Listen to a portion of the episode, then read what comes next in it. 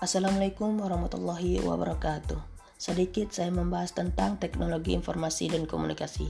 Di dalam peraturan pemerintah tentang standar nasional pendidikan, dalam peraturan ini dinyatakan bahwa proses pembelajaran pada satuan pendidikan diselenggarakan secara interaktif, memotivasi peserta didik berpartisipasi aktif, serta memberikan ruang yang cukup bagi kreativitas untuk mengembangkan bakat minat peserta didik.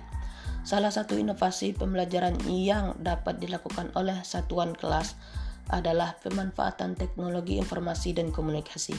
Pemanfaatan inf teknologi informasi dan komunikasi dalam inovasi pembelajaran dilakukan dalam rangka meningkatkan efektivitas dalam pelaksanaan proses pembelajaran yang pada akhirnya diharapkan dapat meningkatkan hasil belajar siswa serta mutu individu para peserta didik dalam hal penggunaan teknologi secara tepat dan bisa bermanfaat.